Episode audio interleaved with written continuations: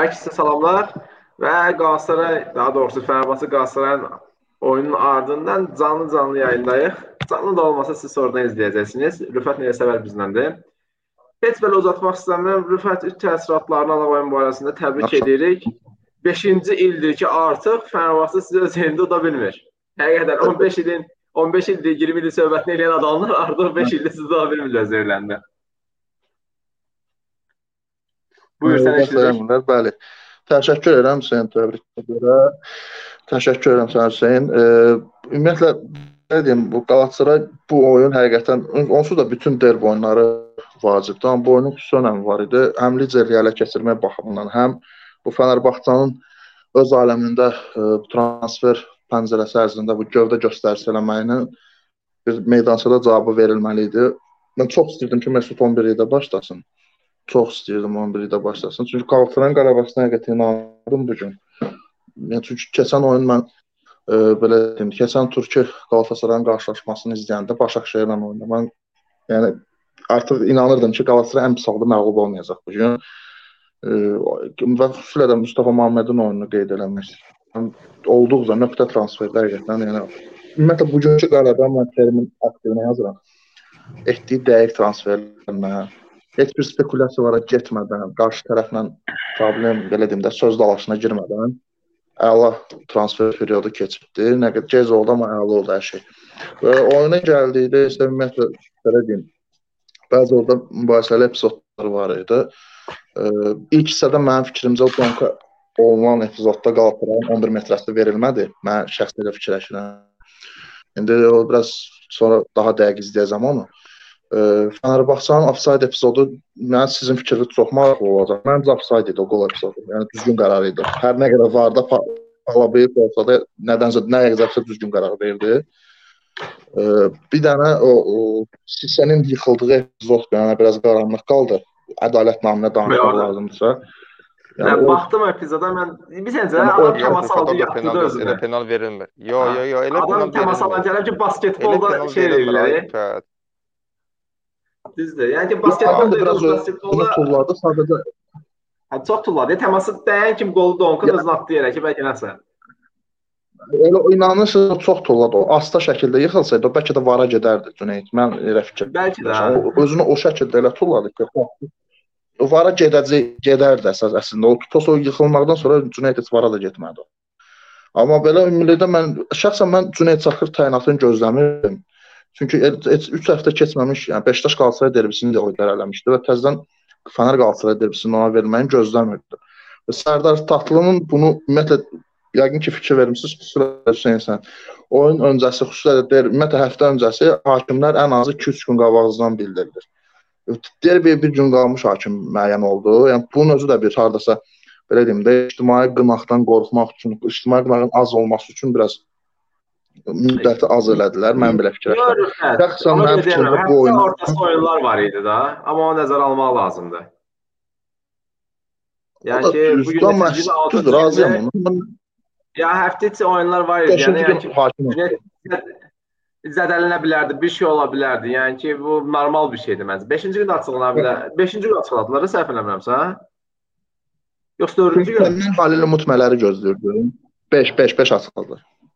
Dünən. Hədə normal yəni. Hədə normaldır yəni bir gün qabaqdan. Bu yəni Halil Umutmələri mən gözləyirdim. Çünki keçən ilki bu dəqiqə mənlə razılaşarsınız yoxsa yox, Türkiyə hakimləri arasında yeganə müsbət siqnal verən hakimdir. Yəni başını yeməsələr çox gözəl oyun idarə edir. Keçən həftə indi Beşiktaş məğlub oldu Sen Trabzonspora, amma çox gözəl oyun apardı. Mete Kalkavani idi. Məncə Halil Umut idi. Düz deyirsən, yo, düz deyirsən. Halil Umut. Ay, mən də oyunu çox söz vermiş. Yəni ki, ilk 26 dəqiqə oyunu kəsməməyi, eləməyi, templi oyun şəraiti yaratdı. Yəni ki, bu oyunu səhv eləmirəm, statistikamı bilirsiniz də 40-a yaxın oyun dialog. Amma fikir verirdim Cüneyt. Cüneyt imkan vermirdi. Fikir verdim, hər şeyə şey çalırdı düyü çalır. Əsəb o Beşiktaş Antalya Spor oyunundakı hakim var idi. Baba baba eyni adı yadımdan çıxdı. Eyni ilə həmin hakim kimi dəqiqə başı saxlamaq, hər fola çalmaq İstərsən o azarkeşdə qızıqlandırdı. O tərzdə bir oyun aparmaqda yəni. Mən şəxsən Rüfət sözünü kəsirəm. Demək, yadıma gəlir ki, bunu buyur, ilk buyur. dəfə Fatih Terim bildirmişdi. Yəni ki, bu hakimlərin oyunları kəsib tempi salmağında. Yəni Fatih Terim bu barədə çox etiraz eləmişdi. Yəni ki, əl dəyirsən, Anadolu klubları özünə atırlar yerə, vaxt itirirlər, oyunun tempi ölür, hər şeydə hakim saxlayır.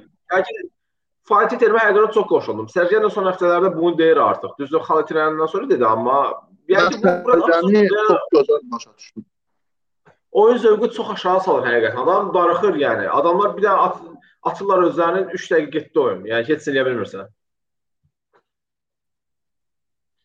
Rüfət deyəsən ayrıldı yayından. Rüfət burdasan? Bəli.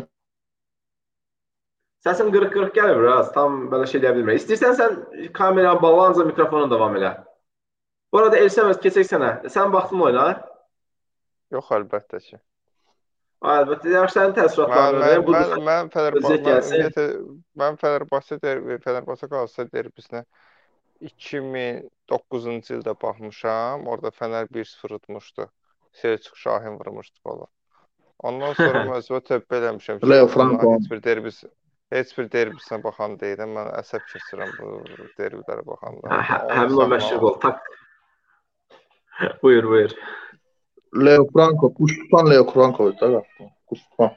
Hə, o zəhləmiyədir o qapısından. Necə onun transferi? Şəxsiyyətsiz insan. Amma belə Qalatasarayın nöqtə transferləri var həqiqətən. Çox əla transfer edib. Ümid edirəm. Ən çox kimi bəyəndin neçə var oyunda? Qalatasarayda Fenerbahçe tərəfindən deyək. Ümid edirəm o Qalatasaray yeni transferləri maaşlarında vaxtı-vaxtında ödəyər, borca düşməzlər. Mustafa Mən demədim, şey, idarəetmə tərəfdən. Mən şey e, adını eşitdim, ümumiyyətlə adını eşitməmişəm də. Sonra araşdırdım. E, icarəyə verilib 3 dəfə. Son icarəyə verildiyi klubda da hə, Muhammed Mustafa göstərib. 23 yaşı var. E, hava toplarında çox güclü oynayır. Yəni belə davam etsə, indi 2 oyunda da yenə də 2 oyun bilmək olmaz. Zaqnes kimi də ola bilər. Rüfət qulağı çək. Ə, belə davam etsə, yəni qalmayacaq Qalatasarayda. Ya Avropa klubları onu götürəcək. İngiltərə klubları Misirli futbolçuları həmişə izləyirlər. Yaxşı, mən də və e, sevinirəm ki, Türkiyədə özünüz bilirsiniz də, yəni mən Fenerbahçedən başqa bütün klubların azarkeşiyəm. Ona görə də sevindim qazanmasına. ya biz tərəfsiz bir şey yayımçıyıq burada. Xahiş biz komanda. Mən, mənim 3 dənə e, rəğbət bəsləmədiyim klub var. Barselona, Fenerbahçe, Inter. Gözüm görmür o klubları konkret. Aydındır. Okey, mən də biraz davam edim oyun barəsində. Mən biraz oyunçu strukturundan davam edəcəm. Yəni ki, Fatih Terimdə hmm. biraz Rüfət dedi, biraz yəni yarımdan qabaq dedi ki, mən Falcao deyirlər, amma sevinib ki, Mustafa oynayır Falcao'nun yerinə. Falcao ikinci heyətdə olub, amma mən gözləyirdim Mustafa'nın oynayacağını. Yəni ki, burada sadəcə Fatih Terimin o derbilərdə bu Etobo salmağı xasiyyətinə axı ki, tərgizdir. Çox sevinirəm buna. Yəni ki, oyunçu görəcək gözüm yoxdur da oyunda. Heç bir şey. Ha, Burada maraqlı mənə idi ki, Feguli oynamadı. Bilmirəm zədəli idi ya yox. Mən Feguli barəsində bir şey məlumatım yoxdur. Tam Rüfət sən daha yaxşıdır. Zədəli idi, zədəli idi. Tam reabilitasiyasından keçməmişdi. Ha, aydındır. Ee, yəni gözləməyə görə gözlənilən hesabdan çıxmışdı və həqiqətən bu oyunda Taylan yenə möhtəşəm idi. Yəni ki, mən Qalatasaray oyunlarında Taylan mənə ayrıca zövq verirdi. Adam çox klassdır da, yəni tə, necə deyim bilmirəm. Yəni ki, Türkiyədə hər bir standart, yəni Sosanın belə Beşiktaş vaxtlarını falan idi. Düz Beşiktaş vaxtlarında Sosa çox çıxırdı qabağa falan. Amma bu əməli baş orada idarə eləyirdi oyunu. İnanılmaz. Yaxın pas, uzaq pas, girir, vaxtı Ha bilirəm. Məsələn Beşiktaşın Josefin bir dənə məsələsi var. Josef doğru yeri, doğru momenti həmişə olmağı bacarır da. Görürəm Taylanda da var o. O top vardı da adam Magris kimi çəkir özünü o tərəfə, gedir. Ya həmişə topun yanında olmağı bacarır. Əyak qabiliyyəti superdir. İnşallah biraz qabağa getməyə şey eləyər, vərdiş eləyər, daha da daha zövq verər yəni oyunları onun. Sonra mənim həmişəki evladım Belhan da yenə mənə görə çox mamat oynadı, yəni can qoydu oyunda. Bu oyunları çox sevir adam. Həqiqətən həqiqətən yəni sözü kəsirəm Hüseyn. Həqiqətən nə qədər ona nifrət eləsəm, bu oyun dökdürdü. Türklər demiş bu oyun dökdürdü həqiqətən. O elə Onyekron qaçırtdığı epizoddakı o belə deyim də, o etdiyi hərəkət məsələn səviyyəsindən xəbər verir. Sadəcə biraz şəxsiyyəti də olsaydı çox gözəl olardı. Heyf ki, şəxsiyyəti yoxdur. Ə, bu gün həqiqətən çox xoşum gəldi ondan. Yəni ki, hər şey. Bəlkə Galatasarayda həmişə Aha, buyur. Bu Qalatasarayda bu qəribə adlar görürəm mən. Baxıram Afrika adlarına oxşayır da bu son 1 ildir.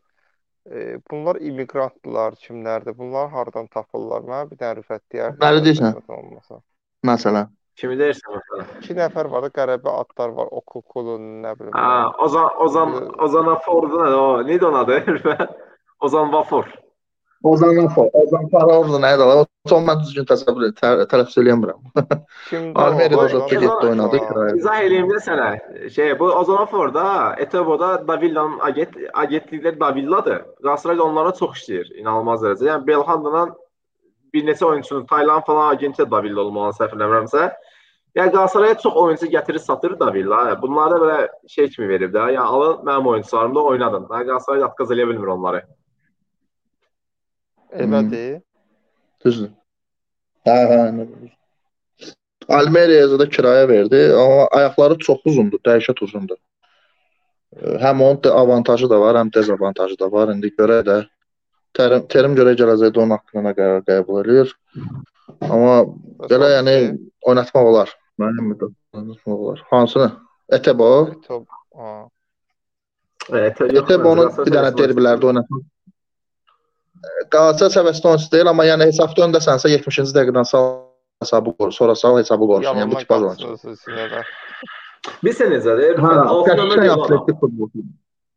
Ay yox, sən elə gəlir. 6 deyil, onu kim savunur? O 8 oynadığı oyun, oyun 8 oynayır adam yəni standartda. Prosta Fatih Terim oynaya görsə 6 oynamaq istəyir onu. Biraz enerjik oyunçudur deyənə. Taylana kömək mənasında, düzdür. Oradakı da eləyə bilmir. Məsəl üçün Belxan da həqiqətən çox atletik. Belə bu gün bu gün Klutsa çox qəşəng oynadı. Yəni oyunda görünmədi. Yəni onda görünməyən oyunçular həmişə bilin ki, çox şey deyib. Kluts oyunda görünməsə də, yəni o pressing gücü ilə çox rahatlaşdırdı oranı. Yəni yəni Hə, yəni Emrah babanı görməməyimə çox şadam yəni bu dəfə. Gözüm qanıyırdı Emrah baba görməkdən hər dəfə. Görmə Emrah. Yəni o qalsa da keçdərdi əsəbləşib. Məni sevindirən məqamlardan biri də bilirsən nə oldu Hüseyn? Mən bu oyun çox istəyirdim ki, Fənər Mert Hakanı da oyunda oynatsın və Əmrə Qılınçla onların qarşılıqlı oyunu. Və çox çox ləzzət elədi ki, Fənərin azarkeş səhifələri bir birinci söydükləri adam Erol Bulut isə ikinci Mert Hakan yandaş idi. Ona görə çox xoşum gəldi şəxsən. Düz İrfan Can haqqında bu fikri demək istəmirəm. Amma yenə görək onu olacaq. İrfancan həqiqətən yaxşı oğlu oynayır yoxsa şu karantindədir? Kim? Kim? Halil Dervişoğlu. Ağı yox sastavda da bir oyuna girmiş orada. Keçən oyun saldı, xoşum gəlmədi. Ya, ya, əsəbə səhvim var. Elə elə güclü oyunçu deyil o. Yəni o Sparta Rotterdamda zətdə oynamağı sağlatmaz. Hollandiyada parıldanmalı biraz şey. Türkiyə çempionatı biraz səviyyə aşağı olsa da orada oynamaq çox çətindir. Yəni biraz sərtdir oranın şey. Ona görə yəni mən bəyənmədim Maksimo oyunçunu, nə yalan deyim. Yəni heç Kərəm Aktürkoğlu'na heç yaxın dura bilmir mənim fikrimcə yəni. Lines nəsər razılaşar şey yox. Kim? Lines, mənim evladım. Standart oyunçudur. Danını yəni, qoydu, yazıq danını qoydu. Standart əksərdir də, konkret harda qoy oynayacaq. Burada ki, zədələndi hayır. Markao'yu mən çox bəyəndim. Markao həmişə standartını göstərirdi adam yenə. O bir də epizod var idi. 3 həftəyə qədər. Necə Rüfət təkrar edə bilərsən? Son son bir 3 həftəyə qədər çox düşmüşdü, dəhşət düşmüşdü. Son 3 həftədə özünü yığdı, yığışdırdı əməli başda. Yəni son oyunda bu oyunda xüsusilə çox bəyəndim Donku. Valla mən Donkun belə şeyini görməmişəm. Yəni Donk həmişə məsələn indi bu gün 6-8 alıb görürsüz. Yəni Donkun həmişə aldığı standart ballar belədir yəni. Yəni ki, donk oynayır yəni adam standartını qoyur. Heç vaxt bir maşını var 70-dən gedir, həmişə 70-dən gedir, yəni 60-70 arası gedir. Heç vaxt 100-ə də qalxmaz, amma o standartını qoruyur adam. Yəni Fatih Terim də daha güvənilir olduğu üçün Lindiyamadan çox ona şans verir Arda. Sonra Arda biraz az göründü, amma mən ilk yarı bəyənmişdim. Yəni orada top saxlamaları, yəni daha çox sağ tərəfə meylli oynamışdı. Solda başlasa da sağa doğru gedirdi tez-tez. Onyekurla dəyişirdilər yerlərini. Mənə elə gəldi ki, Hüseyn, nəsə mənə elə gəldi ki, Ardanı elə bil mərkəzdə oynadır axı. Çünki mən solda Onyekurun gördüm. Ardanı Belhanın yanında çox gördüm. Mənə elə bir təəssürat yaratdı oyunun əvvəlində. Sonradan elə bu oyun içində yəni mövqeləri dəyişdi. Ardan ümumiyyətlə belə funksiyaları çoxdur. O vaxt Barselonada Ardan almanın əsas səbəblərindən biri idi ki, flexible oyunçu idi. Yəni ki, həm hücumun sonunda oynada bildilər, həm arxa dördüncüsün üçdə oynada bildilər, həm 6 nömrə kimi oynada bilirlər. Arda belə versatile oyunçu deyirlər. Yəni ki, çox yaxşıdır bu barədə. Yəni ki, tez-tez Fatih Terim də yayındırmaq üçün mərkəzə doğru çəkir, oradan oyun payladığı vaxtlar olur. Hətta bu il neçə oyunda da 6 nömrə kimi, 8 nömrə kimi başladı bu Ardana, oynadı. Yəni yaxşı Arda çox gəzəndir. Çox xoşuma gəlir oyunçular. Yəni Beşiktaşda Gezzal'ın oynadığı Ümumiyyətlə... bir şey oynayır. Gezzal Aha. Ümumiyyətlə belə deyim, bu sezonun əvvəlində bu Qalatasarayın Arda transferində biraz elə həm öz camiamızda, həm ona rəqib camialarda biraz məsxərə Ardanın transferi, amma Elsəvər də şahiddir. Mən çox sevinmişdim o transferə, çünki yəni həqiqətən Qalatasarayın dedim də ehtiyat oyunçular skamyasında bir dənə Amigoya ehtiyac var idi. O Amigo futbolçu, hər komandanın bir Amigo futbolçusu olur. Hə belə deyək. E, e, yəni ona ehtiyac var idi. Arda bu gün oyundan sonrakı o bütün oyunçuları gedib bir-bir şey eləməyi falan yəni çox bəyənirəm. O oyunçunun o xarakterini, o Qalatasarayın həqiqətən də bir his komandası olması doğrudan da o Qalatasaray onu Arda daha doğrusu onu çox gözəl hiss elətdirir və inşallah da karyerasını Qalatasarayda qutaracaq. Elə ümid edirəm. E, sağ olsunlar ki, Qalatasaraya gətirdi, Ərdən gətirdilər doğrudan da. Yəni çox ehtiyac olan bir transfer idi. Razıyam. Sonra istəyirsiniz yenə oyunun əsas qəhrəmanlarından biri. Yəni Muhammed Mustafa düzü qolu vurdu, amma oyunu xilas edən də digər adam biri var idi. Muslera var idi o tərəfdə. Yəni adam yenə top class bir oyun göstərdi. Onun o kün zərbəsindən bayaq yayından əvvəl söhbətimizdə deyim, o, o epizodda hə. çıxartdığı topu mən Türkiyədə sayılı qapıcı çıxardardı, bəlkə də heç çıxartmazdı. Dəhşətli bir şeydir. Yəni gövdəsini göydə gö topun qabağına qoydu. İnternet o... top belə Qalatasaray ümumiyyətlə belə yatsın, qalxsın, mən qurban kəssin, dua eləsinlər. Yəni özümə də aid eləm Qalatasaraylılar. Yəni elə bir əlimizdə belə bir o Rustamsız Cemçujla mücəvvərimiz var bizim çox gözəl, yəni fəxr edirəm ki, həqiqətən elə bir qapıçımız var. Mən bu gün sizə əmin edə bilərəm, qapıda Okan Koçuk və ya Fatih Öztürk olsaydı, Qalatasaray bu gün qələbə qazanmayacaqdı. Bunu sizə 100% əmin edirəm. Yəni bütün məsuliyyətimlə də deyirəm ki, Qalatasaray bu gün qələbə qazanmayacaq. Yəni bu reabilitasiyanı şükür ki, tez qutardı. Qapıya döndü və öz sözünü belə deyək dedi. Yəni həqiqətən səviyyəsini göstərdi ki, mən bilmirəm. Bu məndən Hə, Fatih 100% deyim də sənə Rüfət. Fatih 100% o 2 dənə uzaqdan vurulan top var idi. Sosana uzan topu. Onları buraxacaqdı. Hə, şey deyəcəkdi. Hə, o birisi qapçın Okan idi. Okan da 100% o İqlava ilə gələn topda bir şey eləyir. Dənəcaqdı yerində elə duracaqdı, girəcəkdi yanından top. Eynən. Hə, ona görə Musleranı hər nə qədər Buffon 43 yaşında oynamağını tənqid etsəm də Muslera'nın o yaşa qədər inşallah çox ümid edirəm ki, o yaşa qədər qapıda durar. Qalsıraydı.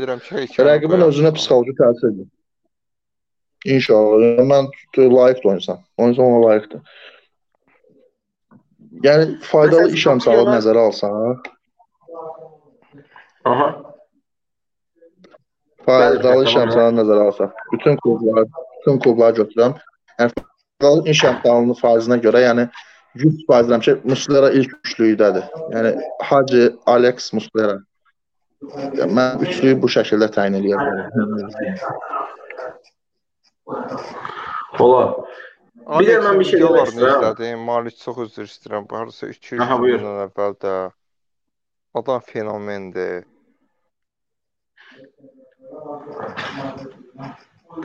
Kim? Alex, Alex. Alex tamam, Fenerbahçe tarixindən böyük futbolçudur. hə. O nə o çox böyük zəkadır həqiqətən halal olsun. Hayır, mən çempionlar oynadım liqasında da. oyunlarını yox, Avrokuboklardakı oyunlarına baxdım. Bir də Bravo. bir şey demək istəyirəm. Yəni o oyuna qayda, Alex'i təriflədik bura. Fener- qayda keçərik. Qalatasarayda vəsədə. Hə, Fənəri də keçərik. Fənərin çünki əksi yerlərinin neçə həftələri biz danışırıq. Yəni Qalatasarayda prosta bu gün bir dənə şey demək istəyirəm yəni Fatih Terim eləmədiyi bir şey də elədi bu dəfə. E, daha doğrusu həmişə eləyir. Nə edirdi? Oyunun müəyyən bir vaxtından sonra ya oyunu saxlamaq üçün ya da ki, e, necə deyim, fərqli bir şey üçün götürdü bir də müdafiə çatırdı oyuna. Üçlü müdafiəyə keçirdi. Yəni Beşiktaşın axırıncı dəfə örnəyi bu idi. Donk atmışdı oyuna ki, yəni ki Beşiktaş sıxır artıq. Götür saxlayım oyunu. Ya bu oyun mən həqiqətən o bu yaşı var adamın, 67 yaşı var, amma məncə Artur yəni öz səhvlərindən də şey nəticə çıxarda bilir. Yəni ki adam nə qədər egoist desək də, yəni Fatih Terim adam yəni səhvini düzəltir yəni bunu. Yəni bu oyun nə elədi? Adam götürdü Etobonu atdı sentra. Dalıcan Emre Taşdemirlə Yedlin biraz şey trans şeyləri də, yəni ki oyunçu Azərbaycandan çıxdı. Bir də ki Onyekuru sortu biraz da sürətli oyunçu atdı. Yəni Kerem atdı, atdı oyuna. Sonra Ba- düz Babel Babel biraz şey mən gözləməzdim Babeli saxlayardı. Yəni adam çox saxladı Qalatasarayı. Yəni yəni ki, hələ ki Qalatasaray bir skor necə deyirlər, dala atdı Babel biraz. Adam ağırdı istər. Düz qabaqda top saxlamaq üçün eləmişdi onu. Qalatasaray da kontratak tuturdu. Bir epizod oldu, sən gördün də onu. Getdi, getdi, getdi. Evet, gəldi, epizodu onu. Ha, Onyekuru olsaydı Yəni orada bəlkə 17 tur Kərəm olsaydı, qapına girib qapının içinə girərdilər yəni. bəli, bəli. Ya Tamamilə doğrudur. Heyf orada biraz ha, nədənsə biraz bu kontra atak söhbətlərini Qalatasaray burada biraz əksik qalır. Adətən daha yaxşı oynayır bunlar. Sürətli oyunçularla çıxır eləyir. Biraz yəni Fənər orada düzdür, sıxmışdan düzdür heç eləyə bilmədi bir müddət. Amma Qalatasaray dəyərləndirə bilmədi e, bu epizodları. Daha doğrusu epizod yarada da bilmədi o qədər. Epizod yarada bilmədi. Bəlkə də sözlər Babel biraz tez çıxartsaydı, epizodlardan yararlan, yəni daha çox epizod yaradıb yararlana bilərdi. Nəsə meyilli olmadılar elə bir daha çox vurmağa. E, bu özlüyündə bir mənfi, müsbətli deyən mənəm. Hər halda Kerim qərarı verdi, amma mən bir dənə qoldan sonra bir 10 dəqiqə çox geri çəkildilər. Mənim ağlıma bir anda o şey oyunu gəldi. O 2-0-dan 2-2 çənən oyun var idi.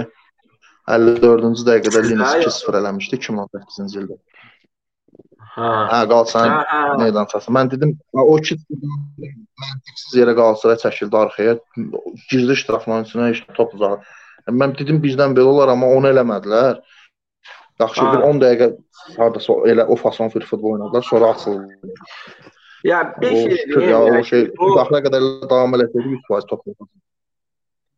Yəni ki, bu eləməməyin səbəblərindən biri də Fenerbahçe idi. Adamlar, yəni ki, bir düzəməlli set hücum oynaya bilmədilər 90 dəqiqə ərzində, yəni. Həqiqətən Bəli, Təsdiq sistem. Fəner sistemsiz.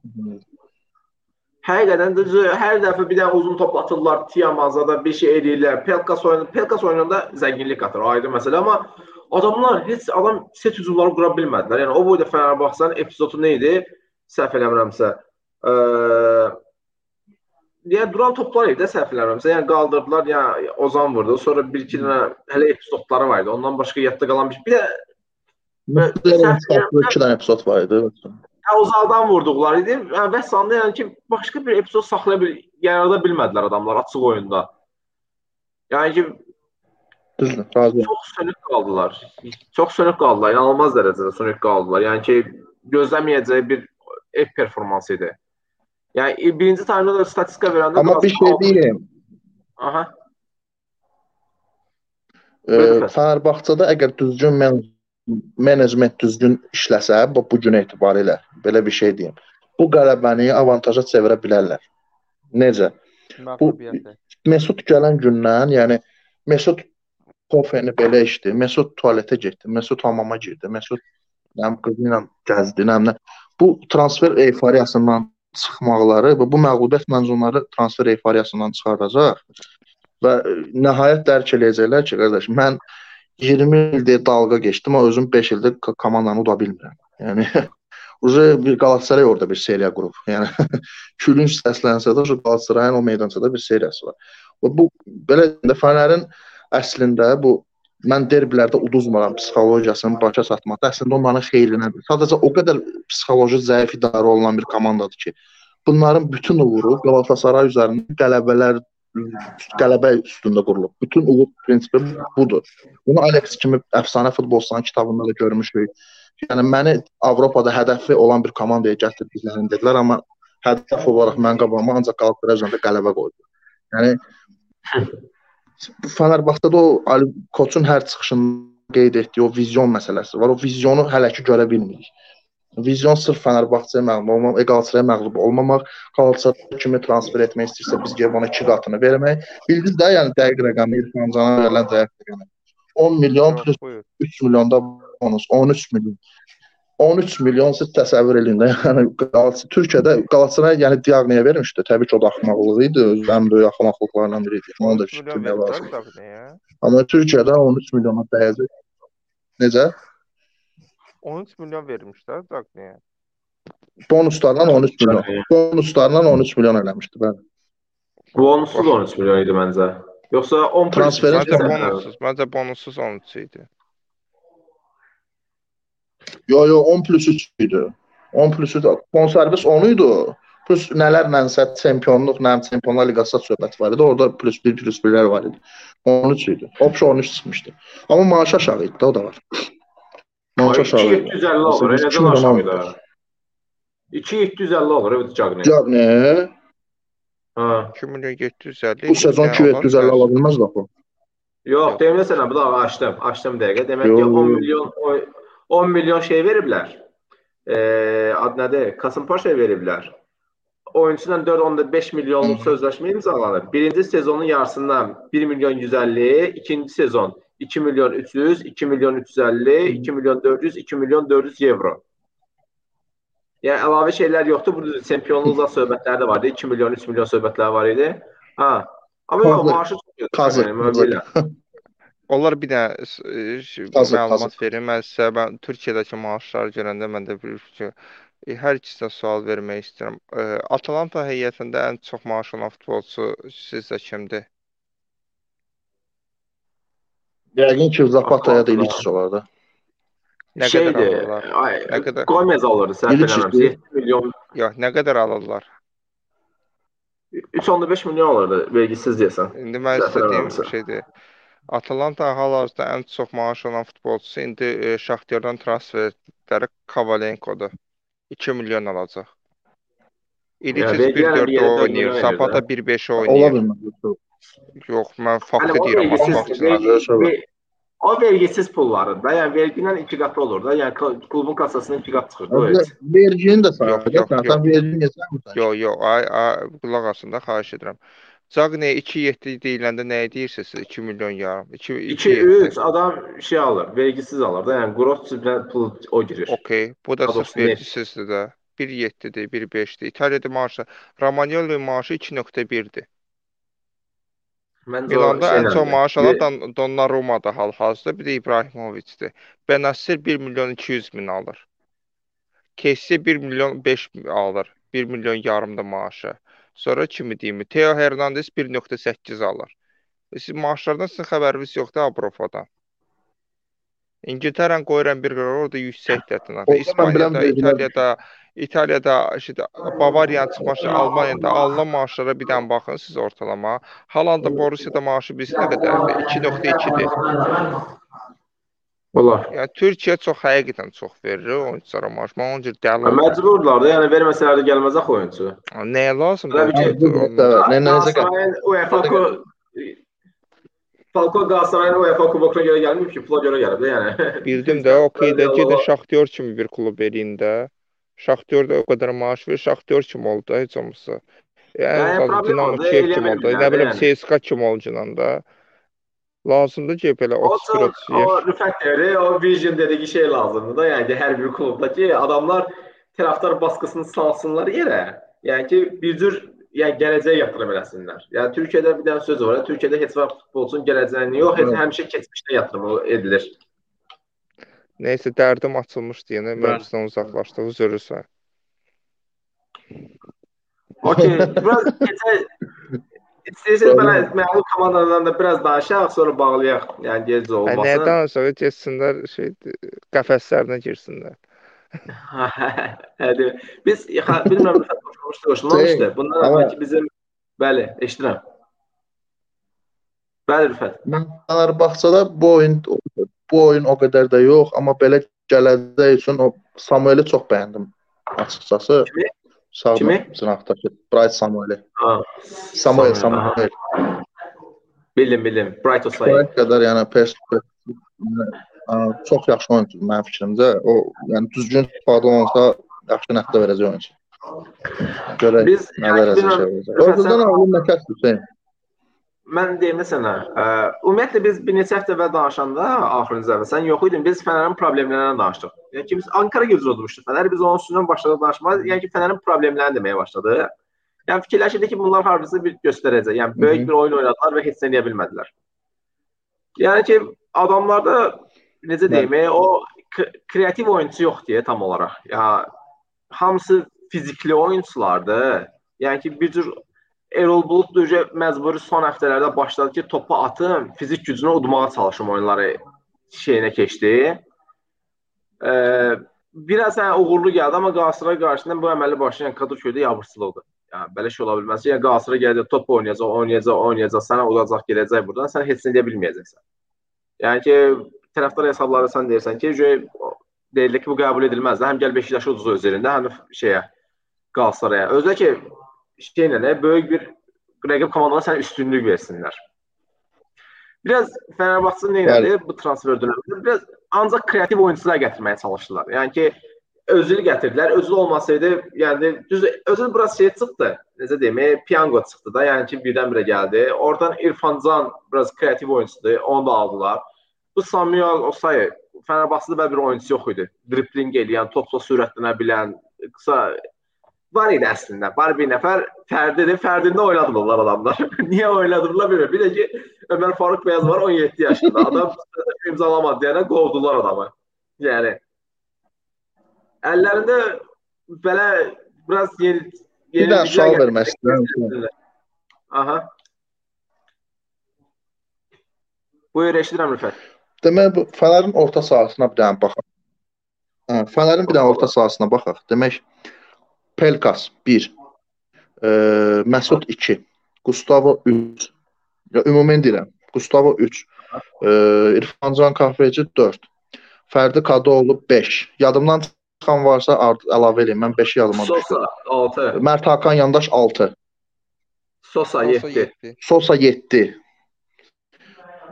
Sonra Sosa 7. Bu 7 oyunçudan mən bir sizlə maraqlıdır. Bu bu insan yəni Aha İrfan Canı zəminə atacaq, yoxsa bu necə oynadacaq? Mən çox maraqlıdır. 7 oyunçunun 4-ünü, 3-ünü necə zəmində tutacaq? Yəni saydığım oyunçular da elə belə oyunçular deyil ha, yəni. Hələ mən fərdini demədim. Dedim 8 də fərdidir. O, yəni mən çox maraqlıdır. Bu insan ümumiyyətlə Pelkas olan komandaya Mesutu aldınsa, İrfancan almağı, yəni sən bu qədər yəni bədbaxt xasiyyətə maliksən ki, sırf Qalatasarayın acığına sən gedib bir mövqedə 7 oyunçun var, sən gedib ora 8-ci İrfanı alırsan. Bunun məntiqi açıqlaması nədir? Sən necə fikirləşirsən?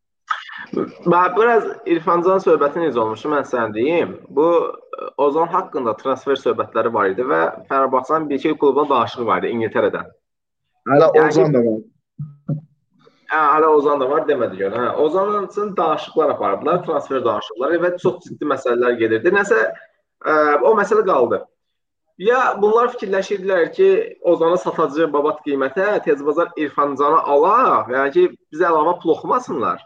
Ya da bunlar ilin sonunda yəni ki, onsuz da Ozanı satacaqlar. Yəni ki, Ozanın söhbəti ciddidir. Bunlar onsuz Sosanın üstünə xətt çəkiblər, baxma bu dəfə oynadı. Sosa onsuz böyük ehtimalla gələn davam eləməyəcəklər Sosanın. Gustavo bir il oynayar, oynamaz. Ee, amma burası indi bu Mesut deyirəm də, Mesut biraz bunlara piyango deyirlər. Yəni hələ gəldi. Yəni bunların e, necə deyirlər?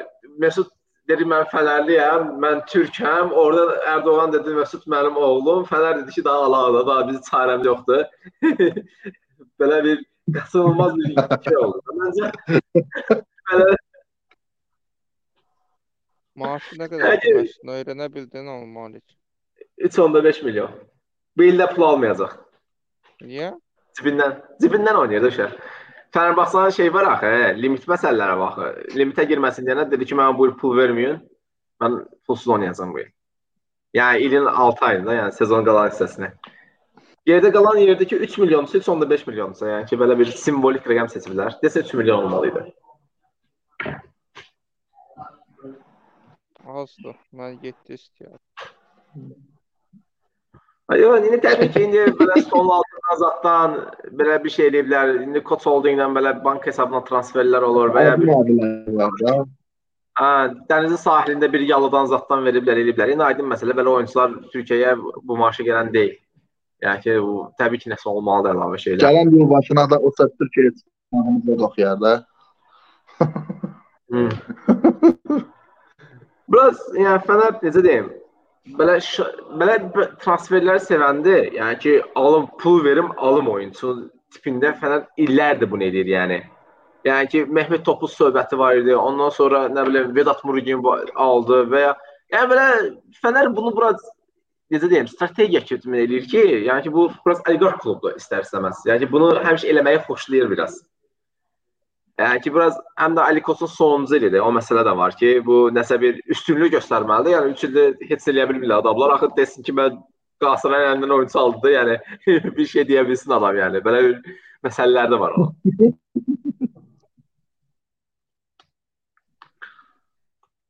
Təsəlli. Yəni ha, məcburən ilin axırında bunları deyəcək. Ya bir finansal tabloları deyəcək. Məcburən əlində başqa bir şey yoxdur bu il əldə eləyə heç nə eləyə bilməsə, heç nə eləyə deyə bilməyəcək. Amma mən belə baxıram şey çox getməyəcək. E, Erol Bulut. Yəni ki, artıq yəni ki, məncə yavaş-yavaş onun səs sorağı, istifa səs soraqları gəlir. Bir fikir verdin oyuna. O e, sərbəst qərar verə bilmir. Elə bir qorxur, Volkandan qorxur o çox fikir verdin, yəni bir kağıza bir şey yazır, nəsə volkanlar göstərir, nəsə şey eləyir. Yəni deyəsən sözlər qul və heç yəni Fenerbahçe Yox, kapasitəsində məşqçi deyil mənim fikrimdə. Yox, biraz bir sənəcə adam. O biraz statistikaya zada şey önəm verən bir adamdır. Onda bir adamın mütləq şeydə oturur. Ya tribunada zətdə oturur, eləyir və statistik verillər gəlir. Yəni sərgənə də gəlir bunlar. Bir də sərgənə oturur harasa statistik şeylərə baxır. Erol Buludda da herhalde 100% nəsə göndəriblər ona. Ə, statistik bir şey müzakirə edirdilər böyük ehtimalla ki, nə eləmək olar. Yəni belə belə türklərin bir sözü var da, bilimsel takılırdı adam, yəni. Verilər əsasında oyuna həmlilər eləmək istəyir. Biz necədir? Erol Bulud Aydın. Şey Ort belə Alanyaya yaraşırdı adam. Çox yaraşırdı. Yeni Malatya idi ondan qabaq. Yaraşırdı, dinamik oyun oynadırdı. Əsl dedin ki, buzda yəni. Amma öncə Sən gedib Fənərdə biraz istədin nəsə eləmək istəsin, gördün xalq işlər gəlir, çəkdi müdafiə oyuna, qaldı o məsələ. Fənərbağçı fikirləşməlidir bunun üstündə, yəni. Məncə də sezonun axırına, yəni çempion olmasa, yəqin ki, sağlaşacaq. Amma mən inanmıram sezonun axırına kimi gedər.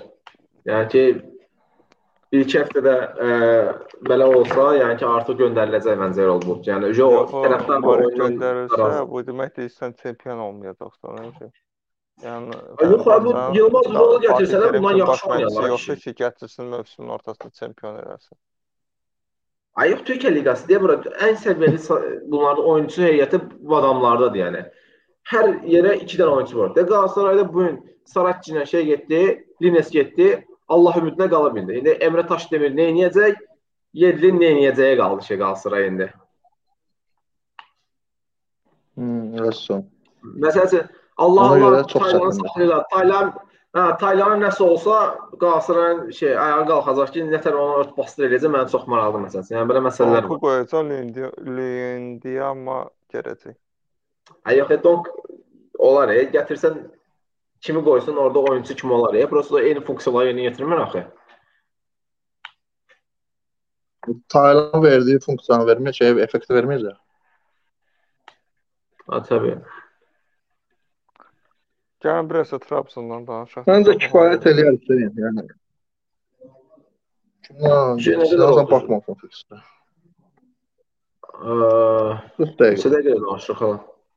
Məncə Trabzonspor Beşiktaşın da oyunu var, 40 dəqiqə, 40 Trabzonun oyunu var. Siz Ha, bildim. İstəyirsən onlarsa bu oyundan sonra eləyək. Ya artıq Kimdən oynayır Beşiktaş? Beşiktaş Konya. Sabah məncə oyundan sonra daha məqsəd oyundur. Ha, sabah oyundan sonra Beşiktaş Konya ilə oynayır. Aydın. Problem yox. Okay, çox sağ olun vaxtınızı O qəşə daha açıq olur. Çoxdan da nəsə eləmirdi. Yəqin ki.